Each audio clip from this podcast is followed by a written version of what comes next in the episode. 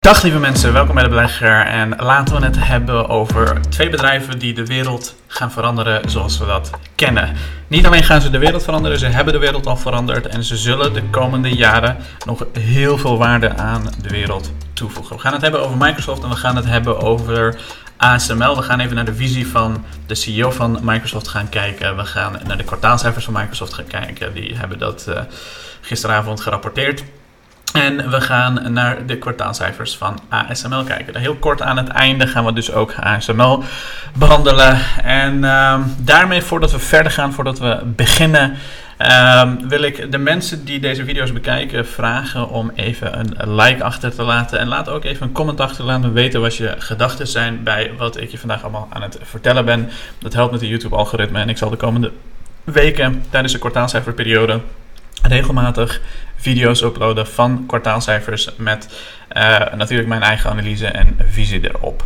Dus als je dat interessant vindt, laat even een like achter. Zorg dat je een comment achterlaat, zodat dit met zo'n breed mogelijke doelgroep wordt gedeeld. En ik zal je dus altijd bedanken daarvoor als je, als je dat zou willen doen. Dus uh, dankjewel alvast en laten we beginnen met deze aflevering. Want ik had al op um, Twitter een berichtje geplaatst. Die heb ik ook op uh, mijn Instagram gedeeld. Uh, Microsoft rapporteert cijfers vanavond. Dit zijn de verwachtingen van analisten. Omzet zou op 5,52,9 miljard moeten uitkomen. En de winst per aandeel op 2,30. Uh, ik maak altijd dit soort uh, spellingfoutjes. Omdat ik best wel snel op mijn telefoon uh, dit soort dingen soms post. Omzet van drie grootste business lines. Cloud 21,4 miljard, productiviteit 16,8 miljard, personal computing 14,7 miljard. Dus dat was de verwachting van analisten. We gaan kijken of dat ook daadwerkelijk zo is. Hebben ze die verwachtingen waargemaakt, ja of nee? Nou, voordat we verder gaan, misschien goed om stil te staan bij het bedrijf Microsoft. Wat doen ze eigenlijk precies? Waar zijn ze mee bezig? En wat is de visie van Satya Nadella, de eigenaar, nou, niet de eigenaar, maar de CEO van Microsoft. Laten we even kijken wat hij te vertellen heeft op de World Economic Forum met Klaus Schwab. Um, iemand waarvan de gemiddelde wappie uh, elke nacht van wakker ligt. maar laten we even kijken.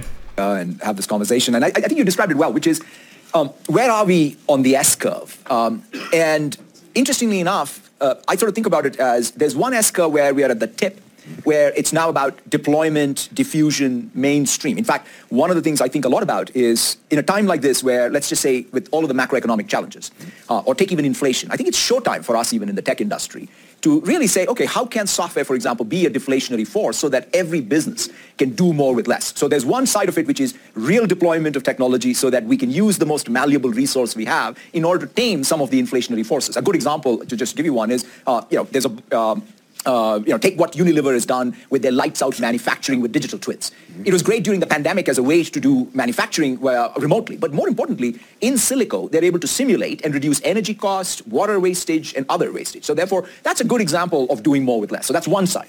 The other side is something like artificial intelligence. Uh, if you look at it, it's at the beginning of a new S-curve.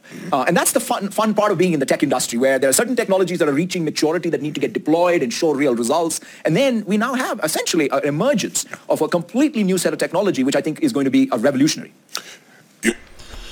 Ja, misschien goed even om te digesten wat hij precies uh, zegt. Kijk, de technologieën, daar hebben we volgende keer ook even kort behandeld, die gaan altijd door een soort S-curve heen. Hè? Dus uh, wat je vaak ziet is dat een nieuwe technologie begint, uh, de eerste mensen beginnen het te gebruiken.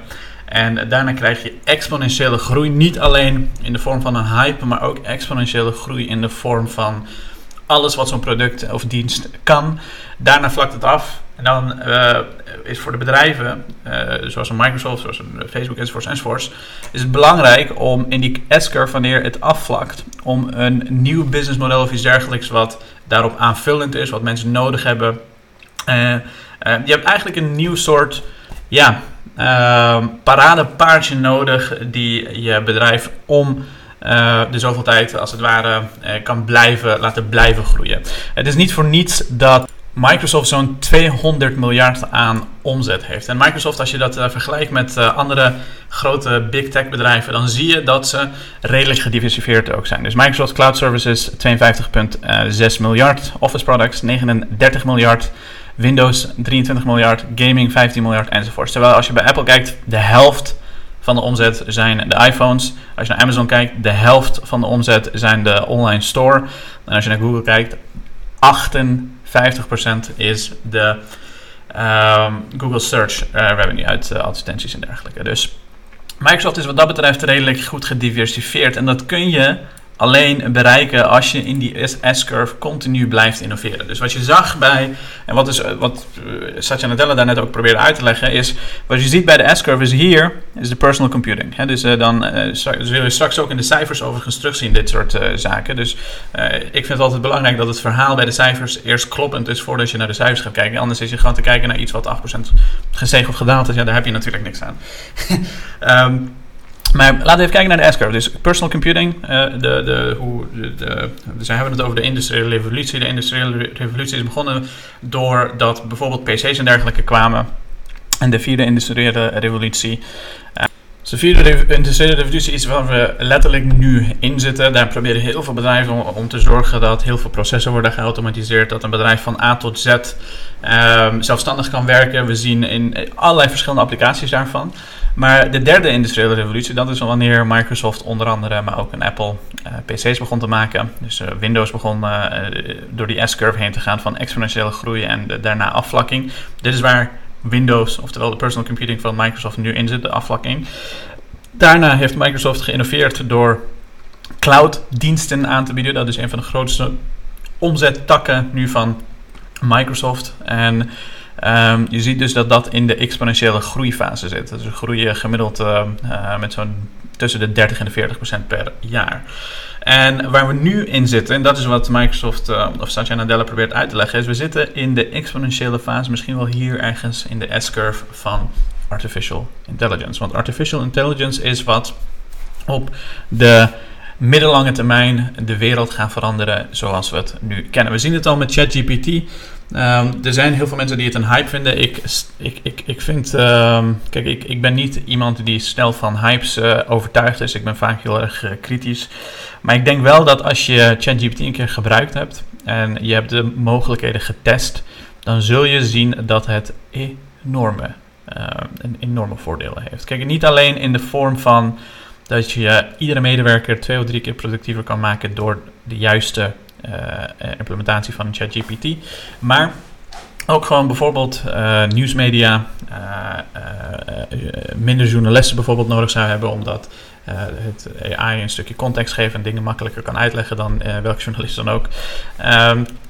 Uh, maar ook omdat je bijvoorbeeld als je een developer bent en je vraagt erom om een plugin code, simpele plugin code te maken voor iets wat je graag zou willen integreren met iets dan kan ChatGPT voor jou alvast een code aanmaken. Die enige, het enige wat jij hoeft te doen is het controleren en uh, een beetje ver, ver, verbeteren of veranderen als dat, als dat zo is. Je kan ook bijvoorbeeld je code naar ChatGPT sturen en zeggen: hey, waar maak ik hier fouten?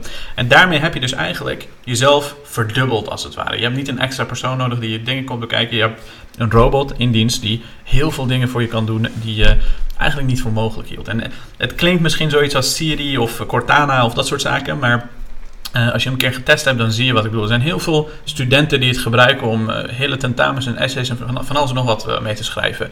Ik heb het zelf ook getest. Het is echt ongelooflijk wat je daarmee kan doen. Dus ik denk niet dat het zomaar een hype is. Ik denk wel dat het serieuze applicaties heeft. Ook voor Microsoft bijvoorbeeld, als we kijken naar de producten en diensten. Um, zie je dat Microsoft um, het bijvoorbeeld in een Word kan integreren. Dat als jij een, weet ik veel, sollicitatiebrief aan het schrijven bent of als je een, een, cv aan het maken bent, dat je zegt, hey, haal mijn um, gegevens van LinkedIn en zet ze hier neer. En zet erbij wat mijn functieomschrijving en dergelijke was. En die verander jij een beetje naar je, je eigen persoonlijkheid en dergelijke. dat is een voorbeeld. Je zou het bijvoorbeeld kunnen gebruiken in workflow automation. Hè? Dus dat jij die, uh, de, de, de chat uh, GPT integreert met verschillende systemen binnen je uh, organisatie. Dat kan binnen de Microsoft Product Suite, maar ook bijvoorbeeld met een Salesforce en dergelijke. Salesforce die heeft al een samenwerking met een chat GPT. En je kan zeggen, joh, laten we zeggen je bent een klantenservice medewerker. Een klant die belt en die zegt, hey, ik kan... uh, ik, ik, ik kan niet meer bij mijn uh, e-mailadres terecht of iets dergelijks. Uh, en jij zegt tegen ChatGPT, klant kan niet tegen e-mailadres terecht, kan niet bij zijn e-mailadres terecht. En ChatGPT start een soort workflow automation dat alle stappen volgt die je normaal gesproken ehm, zou doen als klantenservice medewerker zijnde. Maar nu doet een robot dat voor je, waardoor je een stuk efficiënter, sneller, gemakkelijker bent. Dat zijn even een aantal verschillende applicaties waar je, wat je moet voorstellen. Het heeft wereldwijd ook ontzettend veel uh, effect, omdat we, zeker binnen tech, uh, de techwereld, klantenservices is misschien een net een andere tak van sport, maar zeker binnen de techwereld is er gewoon heel weinig personeel voor alle werk die gedaan moet worden. En wat dat betreft denk ik dat ChatGPT wel degelijk een hele, um, ja, hele belangrijke rol gaat spelen daarin. Sterker nog, dit zijn geen uh, zaken die net in een soort research en development fase zitten of iets dergelijks. Uh, uh, dit is serieus al bewezen. Microsoft heeft dit soort zaken al op bijvoorbeeld GitHub en wat andere plekken aangeboden. Ook ChatGPT heeft ook een subscription model inmiddels die ongeveer 42 euro per maand kost als je laten we zeggen, als je daar een, een, een, een, miljoen of 10 miljoen mensen op uh, krijgt, dan, dan, zou dat betekenen dat je 5 miljard aan omzet per jaar, dat je daarover dat soort uh, cijfers uh, spreekt. En sterker nog, Nadella die geeft een voorbeeld van hoe ze dat nu al gebruiken. Hè. Dus zij zeggen. Um, er zijn inderdaad heel veel zorgen omtrent, um, omtrent AI, dat het banen overneemt en dat soort zaken. Maar Satya Nadella zegt, het is belangrijk om te weten dat dit een co-pilot is. Hè? Dus het is niet zo dat ja, AI alles, alles op, uh, op een gegeven moment kan overnemen. Het is alleen dat je meer kan doen met dezelfde tijd die je nu ook in je werk steekt. Dus productiviteit per werknemer hoort met dit soort applicaties omhoog te gaan. En ze hebben het ook op GitHub. Dat is een, uh, een, een, een, plek waar alle developers en dergelijke samen zitten om open source uh, projecten te werken. En ze hebben het ook getest daar. Dus kijk even naar wat hij zegt. In fact, one of the uh, things we think a lot about is how to deploy this technology to empower human beings to do more. So, for example, like on New Year's Day, I saw this tweet uh, by Andrej Karpathy, who is uh, an ex-founder of the autopilot group at Tesla, uh, who's an, you know, a, a, an AI developer. And so he sort of referenced perhaps the biggest product that made a difference in his life in the last 12 months was the GitHub Copilot we had launched last year. So, so here's a software developer using tools uh, and saying, now GitHub Copilot is generating 80% of his code. So that doesn't mean Andrej is not writing uh, new code and being at his creative best. It just so happens that now he has 80% leverage in doing what he's doing. He's still the pilot. He does have a Copilot. Precies, dus hij geeft het voorbeeld van André die uh, GitHub Copilot gebruikt. En uh, door dat te doen heeft hij 80% meer productiviteit uh, dan dat als, als hij dat in zijn eentje zou moeten doen. En daarmee reframe je het verhaal ook. Het is niet alleen reframen, want ik bedoel, uiteindelijk denkt iedereen er anders over. Maar ehm, de, het hele idee van AI is om alle werk wat jij nu doet, om je op zijn minst laten we zeggen, een aantal keer productiever te maken dan dat je nu bent. Dus een journalist die feitelijk juist de berichtgeving wil plaatsen, die doet dat bijvoorbeeld met de hulp van een, een, een ChatGPT en dergelijke. En wat dat betreft is dit een moment waarbij um, ChatGPT ook daadwerkelijk um, grote angst veroorzaakt in uh, zoekmachines, zoals bijvoorbeeld een Google. Zo heeft bijvoorbeeld New York Times uh, gezegd dat de komst van GTP is Google ingeslagen als een bom. Zo blijkt uit een reconstructie van de New York Times. De zoekgigant ziet chatbot als een groot gevaar voor het voortbestaan van het bedrijf. Daarom zijn zelfs de oprichters van het bedrijf opgetrommeld om de crisis te bezweren. Dus Google heeft intern, dus New York Times heeft allerlei dingen gevonden waardoor ze zeggen intern bij Larry Page en Sergey Brin en dergelijke en Sundar Pichai, de CEO van Google, is er ontzettend veel discussie over. Er is zelfs code rood geslagen om uh, uh, ChatGPT als, als, als echt een gevaar voor de eigen toekomst te zien. En Google is natuurlijk niet. Uh, kijk, mensen onderschatten de, de, de, kracht van dat soort bedrijven. Google is bezig met een eigen programma daar, daarvoor. Kijk, wat ChatGPT onderaan de streep doet, is het neemt letterlijk alles wat we op het interwebs eh, vinden, zoals Google dat ook bijvoorbeeld doet. Die indexeert letterlijk alles wat je op het internet vindt. En die maken dat inzichtelijk voor jou, zodat jij precies vindt waar jij naar op zoek bent. Dus als jij op Google intikt, ik wil weten wat een elektrische wagen is, dan krijg je allemaal links naar partijen die je uit gaan leggen wat uh, een elektrische wagen is. Wat ChatGPT doet, doet in principe is die neemt uh, alle mogelijkheden die het interwebs uh, biedt. Dus laten we zeggen, al die verschillende dingen waar jij normaal gesproken zou doorpluizen om te, erachter te komen wat een elektrisch wagen is en hoe het werkt. Die, neemt hij, die, die, die data neemt hij en daar maakt hij een context voor. Zodat jij, als jij hem vraagt, hey, hoe werkt elektrische wagen dan krijg je niet vier, vijf verschillende websites waar je het zelf moet uitzoeken. Nee, daar zegt de AI voor je, die legt je uit, elektrische wagens worden gedreven door batterijtechnologie in plaats van uh, injection, in, in, uh, uh, ijswagens, enzovoort, enzovoort, enzovoort. Dus het geeft je context bij wat je normaal gesproken zou Google. En Google heeft een eigen programma daarvoor, die heet Lambda. En ik denk dat Google vaak voorzichtiger is met dit soort zaken naar buiten te brengen, omdat heel veel mensen het eng vinden als de chatbot van Google bijvoorbeeld heel erg sophisticated of advanced of iets dergelijks is. Want als er bestaat natuurlijk ook een heel groot gedeelte van de bevolking die is ook bang en die is angstig dat AI van alles en nog wat aan schade zou kunnen leveren. Je hebt Elon Musk gezien die zegt dat de AI uh, heel erg eng is en dat uh, daar allerlei uh, wetgeving en dat soort zaken voor moet komen voordat het überhaupt er is. Satya Nadella die zegt we moeten de veiligheid van AI niet in acht nemen voordat het überhaupt er is. Um, omdat je daarmee innovatie tegenhoudt en dergelijke. Pas als we zien dat het bepaalde dingen kan doen dat, dat, dat, dat die niet over de brug kunnen of dat soort zaken dan pas moeten we actie ondernemen. Dus hij zegt, laten we het reactief doen dan proactief, want we weten namelijk niet wat de gevolgen zijn van uh, artificial intelligence. En de vraag is dus, waar sta je in dat spectrum? En zeg jij, AI is zo belachelijk eng en gek en uh, het gaat onze levens op een negatieve manier veranderen? Of ben je aan de kant van Satya Nadella, die zegt, AI gaat ons positief beïnvloeden, het zorgt dat we productiever worden en dat we niet nu pas naar de gevaren van AI moeten kijken, maar pas wanneer die gevaren er zijn, als er schade is berokkend, dat we dan pas misschien moeten gaan kijken wat die schade precies is en hoe we het kunnen tegenhouden. Nou, dat is, uh, dat is een eeuwige discussie, maar goed, laten we verder gaan. Uh, je weet in ieder geval iets meer over de achtergrondverhaal van uh, sales van Microsoft. En alle bedrijven inmiddels die binnen de cloud zitten. Bijvoorbeeld Salesforce is natuurlijk ook gewoon een concurrent van, uh, van, van Microsoft. Die proberen die vierde industriële revolutie te creëren. En AI zit wat dat betreft in het begin van die S-curve. En Microsoft verlengt daarmee dus hun eigen lifecycle voor de komende jaren. En wordt wat mij betreft ook een relatief goede belegging. Ik bezit Microsoft aandelen, dus ik ben een beetje biased. Maar laten we even kijken naar de cijfers van Microsoft. Als we kijken naar de cijfers, we zien een aantal verschillende business lines. Um, de drie, uh, business lines die ze communiceren: productivity in business processes, intelligent cloud en personal computing. Dus personal computing, die weten we al, die zit ergens in, de, in een andere fase van de S-curve.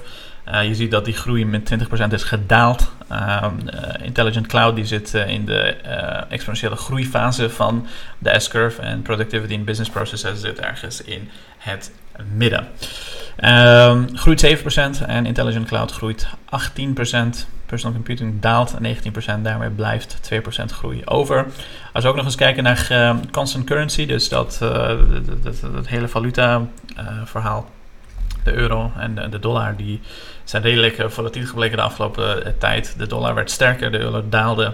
En bedrijven die omzet hebben in euro's in Europa, die hebben daar dus, dus last van, zoals Microsoft. En daarmee zie je dus 5% daling in de omzet. Alleen al omdat de waarde van de valuta is uh, gewijzigd of veranderd.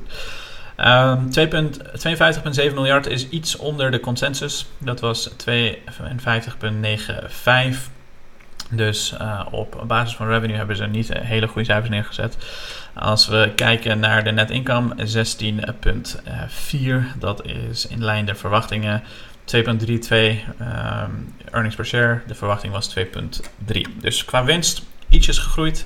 Qua, of niet ietsjes gegroeid, maar iets beter dan de verwachting. En uh, die verwachting was relatief laag, want zoals je ziet is het een daling van 6% in de winst van Microsoft. Maar dat is wat je over de hele linie ziet, omdat we met die macro-economische omstandigheden te maken hebben waar niemand iets aan kan doen. Inflatie, dat soort zaken. Uh, hogere rentes, uh, noem het maar op, de, oorlog in Oekraïne. Omdat we met al die verschillende zaken te maken hebben, merk je wel dat er Ehm, dat, dat bij heel veel bedrijven de verwachtingen natuurlijk naar beneden zijn bijgesteld. Ook voor het volgende kwartaal. En dat is waarom Microsoft uh, is gedaald. En het heeft eigenlijk de hele beurs met zich meegetrokken. Omdat mensen denken dat dit misschien voor alle techbedrijven gaat gelden. Want als Microsoft het heeft, dan moet iedereen er toch heel veel last van hebben. En dat komt omdat ze voor volgende kwartaal een slechtere guidance af hebben, gegeven dan dat we tot nu toe gezien hebben. Namelijk een guidance van 2, ergens tussen rond de 50 miljard. Eh, terwijl de meeste analisten rond de 52 miljard verwachten. Dus ze, verwachten 2 miljard minder omzet voor de volgende kwartaal. En dat is jammer. Uh, maar niet onlogisch gezien wat er op macro-economie natuurlijk allemaal aan de hand is. De eerste twee kwartalen van volgend jaar wordt er een recessie verwacht. Um, en daar zal en Microsoft en ieder ander bedrijf waarschijnlijk wel last van hebben als dat ook daadwerkelijk uh, uitkomt. Er zijn heel veel mensen die zeggen dat dat niet gaat gebeuren. Maar goed, dat is een maar dat is macro-economisch geleuter waar we het later even kunnen hebben. Maar laten we even puur naar de cijfers kijken. Microsoft is dus over het algemeen vrij gezond. Hè? Ze presteren naar verwachting met winstsales iets boven verwachting. Er zijn geen cijfers waar je uh, meteen van moet schrikken als je het verhaal achter Microsoft begrijpt. We zien dat uh, um, er 9,7 miljard aan cash of shareholders aan cash is teruggegeven in de vorm van uh, aandelen terugkopen en dividenden. 4,6 miljard, aan aandelen teruggekocht en 5,1 miljard aan dividend. Uh, operating expenses were 14.9 billion, up 19%, excluding 8 points impact from the Q2 charge. Als we kijken naar de tax rate, 19% belasting betaald. Als we kijken naar cashflows, cashflow from operations was 11.2 billion, down 23%. Dus cashflow from operations is wat uh, gedaald, 23%, maar is nog steeds uh, flink natuurlijk. Free cashflow was 4,9 miljard, down 43%, excluding de 27 points voor tax repayment, uh, et cetera, et cetera. Dus free cashflow nog steeds positief van 4,9 miljard. Het is wel natuurlijk geda gedaald, maar ze hebben ook recent een grote kost moeten maken voor alle mensen die ze natuurlijk ontslagen hebben. Dus iets meer dan een miljard hebben ze daarvoor moeten, moeten uittrekken. Dus overal geen mega negatieve cijfers. Niets wat heel erg, niet erg uh, in, in, in de lijn der verwachtingen zaten. Nou, waar, waar komt al dat al die omzet en dergelijke vandaan. Nou, als we kijken bijvoorbeeld naar de Office Commercial Products en Cloud Services Revenue Growth, dan zien we een 7% groei, 14% constant currency. Dus alles wat je hier ziet is constant currency als uh, valuta gelijk bleef. En alles wat je hier ziet is wat het daadwerkelijk is, dus zonder dat valuta het beïnvloed heeft. Um, we zien dat cloud services revenue growth, um, uh, consumer products en cloud services revenue growth rond de 2% zit. We zien dat dynamic products, uh, dynamics products en cloud services revenue rond de 13% ligt. Dynamics is een concurrent van uh, Salesforce. Die groeit wat minder hard dan de rest van de cloud revenue, maar daar gaan we zo meteen even op in. LinkedIn groeit met zo'n 10%, uh, wat op zich wel redelijk, redelijk netjes is. LinkedIn is een bedrijf die 800 miljoen gebruikers heeft, dus 800 miljoen ehm, ehm, ja, mensen hebben hun data aan LinkedIn gegeven over waar ze werken, waar ze zitten en dat soort zaken. En daar heeft Microsoft natuurlijk gewoon volledige toegang tot. Um, omdat ze LinkedIn voor cash eh, cash hebben gekocht. We zien dat het aantal subscribers nog steeds toeneemt. We zien dat de seed growth, dus zij verdienen geld op basis van het aantal seeds die worden verkocht. En dat is waarom er binnen de softwarewereld op dit moment eigenlijk zoveel angst is. Omdat uh, heel veel bedrijven personeel laten gaan. Betekent dat dus dat je ook minder seeds verkoopt. Seeds zijn bijvoorbeeld als jij een, uh, laten we zeggen, een, een, een, Microsoft product laten we zeggen, Word-product koopt voor je laptop, dat is een seat. Dus als, als jouw werkgever jou toegang geeft tot een laptop, dan eh, heb jij bijvoorbeeld eh, daar een, een, een uh, maar Office 365 op, dus PowerPoint en dat soort zaken, dan bezit jij een seat. En als die, die seats groeien dus nog steeds met 12%. En maar de angst is in de softwarewereld dat dat dus, omdat er zoveel ontslagen zijn, omdat we een recessie gaan belanden, dat er minder seats worden verkocht, omdat mensen juist personeel laten gaan, worden die seats verkleind. Dus de vraag is of dat ook daadwerkelijk zo gaat zijn. Maar in dit geval zien we nog steeds seed growth. Als we verder kijken, dan zien we als, uh, je, als je Dynamics weghaalt van de cloud services, uh, revenue growth. Dus Dynamics heeft het daadwerkelijk flink naar beneden bijgeschald. Ze vertellen niet per se precies hoe, hoe, Dynamics het presteert. Dus in vergelijking met Salesforce doen ze het waarschijnlijk heel slecht. Want je ziet hier dat ze 20% groeien zonder Dynamics. Met Dynamics zit dat op 13%. Dus Dynamics snoept 7% van die, van die groei af. Uh, waarschijnlijk groeit dat die niet eens, uh, maar goed, laten we verder gaan. 26% constant currency. revenue grew by 18%, driven by Azure.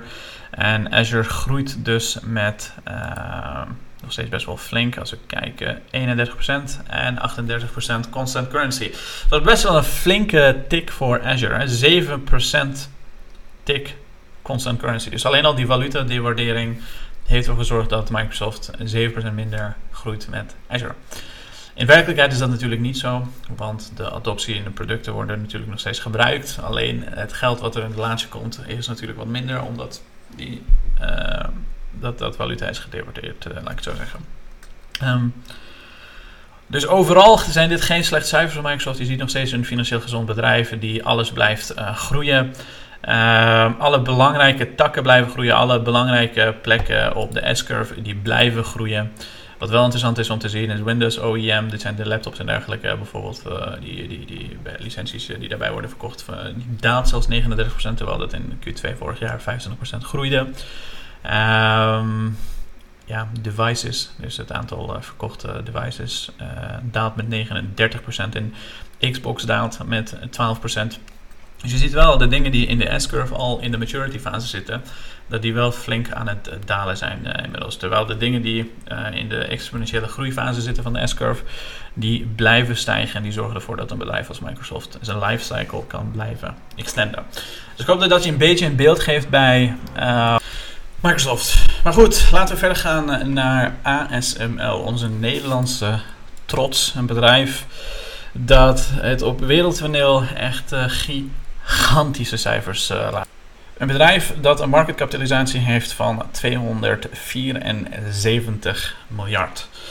En uh, dat is uh, tof, want als je dat vergelijkt met de Nederlandse bruto binnenlands product, oftewel de BBP van Nederland, dan is dat 1 vierde van het totaal. We zijn 1000 miljard waard en um, ehm, 25% daarvan is, laten we zeggen, onze ASML. Dus echt een gigantisch bedrijf voor Nederlands doen. En um, zij hebben kwartaalcijfers gerapporteerd, die gaan we even kort behandelen. Voordat we dat doen, misschien we kort stilstaan bij wat ASML precies doet. Kijk, ASML zit natuurlijk in de uh, semiconductors um, industrie. Dat is een industrie die ik uitgebreid heb behandeld en besproken in de uh, community, uh, onze leden die de belegger app hebben gedaan, die, je kan bekijken onder video updates.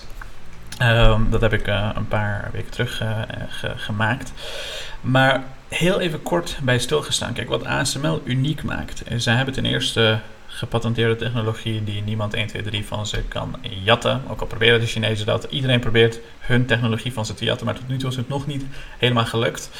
Um, maar wat, wat ASML uniek maakt, is zij Kijk, ze zeggen wel eens bij een goudkoorts moet je niet de goud gaan uh, minen. Je moet niet de, ga goud gaan verkopen of whatever. Bij een goudkoorts wil je idealiter de schep verkopen waar ze de goud mee gaan opzoeken.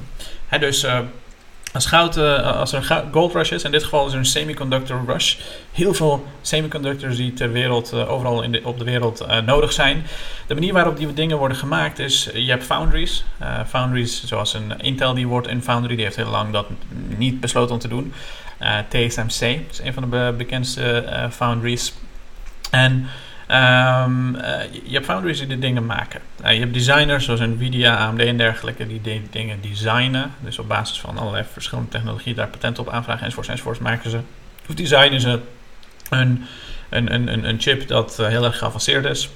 Die wordt dan gemaakt door bijvoorbeeld een TSMC of een, um, of een Intel. Um, nu kan je daar heel erg in, in verder gaan. We hebben dat uitgebreid besproken. Maar wat ASML doet, is die verkoopt de schep. Dus die verkoopt de machines die die foundries nodig hebben om de chips te kunnen maken. En dat is precies wat we op dit moment het meeste nodig hebben. Kijk, de wereld die deglobaliseert een beetje. Mensen kijken steeds meer naar hoe kunnen we onze eigen landen, hoe kunnen we onze eigen industrieën beschermen. Waarom moeten we alles via China doen? Kunnen we niet iets meer in Europa of in, in, in, in, in de VS zelf gaan doen? Um, omdat we misschien niet al te veel de Chinezen meer vertrouwen uh, door de oorlog in Oekraïne. Maar ook door hun, ja, uh, alles wat zij natuurlijk uh, hebben gedaan de afgelopen tijd. Ehm, maar laten we daar niet al te, te, lang bij stilstaan. Maar ASML die verkoopt dus de machines om die chips te kunnen maken. En de machines die zijn nodig in fabrieken die we in Europa gaan bouwen en die we in de VS gaan bouwen. Dus al met al is er heel erg veel vraag naar de producten van ASML. En Er zijn heel veel documentaires en dergelijke over gemaakt. Dus waarschijnlijk kan je er best wel veel over vinden. Uh, ik bezit het zelf niet in mijn portefeuille. Ik heb het wel altijd overwogen, maar nooit echt gedaan. Omdat ik vond dat het iets te duur is. En ze zijn in principe één stap verwijderd van een Chinese kopie van het bedrijf. En dat die dingen gaan lekken, dat mensen die technologie gaan jatten en zo. Uh, het is van, wereldwijd van zo'n belangrijk uh, onderdeel van de wereld dat er op een gegeven moment komt dat een ander bedrijf hetzelfde gaat doen. Um, uh, maar dat, dat, zijn even een aantal verschillende objections die ik had om het bedrijf te kopen. Het was ook redelijk rijkelijk gewaardeerd en de verwachting was dat ze rond de 10% zouden gaan groeien. Nu inmiddels is die verwachting dus bijgesteld. Kijk, als we kijken naar de waardering van een ASML, als we kijken naar bijvoorbeeld uh, de price to sales ratios, ik haal even dit advertentie weg. weg. We kijken naar bijvoorbeeld de price to sales ratios, ze hebben altijd tot en met 2018 richting de 4, tussen de 7 en de 4 0,9, laten we zeggen tussen de, de, de 7 en de 5 of zo aan de price-to-sales ratio gehad. En dat komt omdat de toekomstige prognose was dat ze rond de 10% zouden gaan groeien elk jaar. Hier, tijdens de COVID-pandemie, hebben we uh, die hele chiptekort gehad. Dus de verwachtingen werden al bijgesteld. En inmiddels zie je dat ze sinds de bodem laten we zeggen, voorlopige bodem van 414 weer flink gestegen zijn naar bijna 700. Ook de price-to-sales ratio van 7,8 naar 12,75. Het is dus redelijk rijkelijk gewaardeerd. En dat komt omdat ASML verwacht dat ze de sales, oftewel de omzet, met 25% gaan groeien komende jaar. En de beurs kijkt altijd een jaar vooruit. En dat is dus wat je terugziet in die cijfers ook. Heel veel mensen hadden ASML afgeschreven. Er waren heel veel mensen met allerlei gekke pijltjes die uh, ASML uh, naar 60 of 70 per aandeel of iets dergelijks hadden, zaten te promoten. Um, ja, goed. Je ziet dat onderaan de, streep, onderaan de wat belangrijk is, is de cijfers van het bedrijf zelf. Wat, de prijsactie en allerlei gekke charts online, dat, dat soort dingen, die boeien over het algemeen niet zo heel veel. Het zijn de prestaties van het bedrijf zelf die uiteindelijk de doorslag geven hoe de prijs gaat reageren. Um, Laten we kijken naar de net sales. Dat is 6,4 miljard uitgekomen, gross margin van 51,5%. Ik zal je zo meteen even delen waarom dit eh, aandeel gedaald is. Net sales van 21,2 miljard van in 2022, gross margins van 50,5. Net income van 5,6 miljard. Uh, dat zijn hele goede cijfers om neer te zetten. In 2023 verwachten ze 25% groei in de omzet, wat gigantisch is voor een bedrijf van dit formaat. ASML expects Q1 2023 net sales between 6.1 billion and 6.5 billion, gross margin between 49 and 50%. The value of shipments in 2022 leading delayed revenue recognition in 2023 is 3.1 billion. Um, dus ze zijn nog 3,1 miljard aan omzet schuldig van wat er uh, in 2022 al geleverd is. Alleen de, uh, kijk, de omzet die je ziet op zo'n uh, zo'n uh, uh, balans is natuurlijk wanneer het gerecognized is. Er zijn verschillende accounting principes. Dit zijn ook trainingen die ik uh, geef aan mensen die lid zijn van de belegger. er zijn verschillende accounting principes die verschillende ideeën erop nahouden. Bijvoorbeeld um, een van de manieren waarop je, laten we zeggen, jij koopt iets bij een bedrijf en je bent een ander bedrijf. Jij betaalt, je hebt 30 dagen betaaltermijn. Uh, pas wanneer je de betaling binnenkrijgt, krijg je bij sommige uh, accountingprincipes het geld als revenue gerecognized. Dus een beetje een, een lang verhaal, maar goed, uh, ze zijn dus nog 3,1 miljard onschuldig die, schuldig die in 2023 wordt gerecognized. Overal geen slechte cijfers. We zullen niet al te lang bij de cijfers van ASML blijven houden. Maar heel simpel, ze hebben op alle vlakken, behalve op system revenue, dat was een 0,3% mis hebben ze goede cijfers neergezet op alle vlakken. Of, je, of nou op Operation Cashflow die 136% is gegroeid, EPS die met 8% is gegroeid. Niet gegroeid, maar uh, beter gepresteerd dan voor de verwachting, wat een nog betere eh, situatie, uh, um, ja, getal is. gross margins een stuk hoger dan wat, er, wat de consensus was, dat was 49,3%. Um, de reden dat het daalt is omdat ze verwachten dat ze volgend jaar iets minder winst zullen gaan maken en dat de gross margins gaan verlagen. Dus ondanks dat de omzet toeneemt, gaat de gross margin omlaag. En dat maakt sommige beleggers misschien wat nerveus en die denken, ja, oké, okay, het is nu wel heel rijkelijk gewaardeerd voor wat we misschien uh, terugkrijgen. Maar op de lange termijn, op de mega lange termijn, zie ik persoonlijk bij zowel ASML als Microsoft geen enkel issue. En blijft die S-curve intact met wat ze aan het doen zijn en de cijfers die ze aan het presteren zijn. En onderaan de streep voor mij beleggen is, beleggen aandelen is uh, zorgen dat je in financieel gezonde, financieel gezonde bedrijven zit die nog jaren aan groei voor zich hebben en die kwartaal op kwartaal de juiste cijfers laten zien tegenover de verwachting die de macro-economische omstandigheden bieden. En daarmee hoop ik je vandaag een hele fijne uh, ja, tijd hebben bezorgd met deze analyses. Laat me, weten wat je denkt van uh, wat ik allemaal te vertellen heb. En laat ook even een like en een comment achter om dit kanaal te supporten. En ik zie je snel.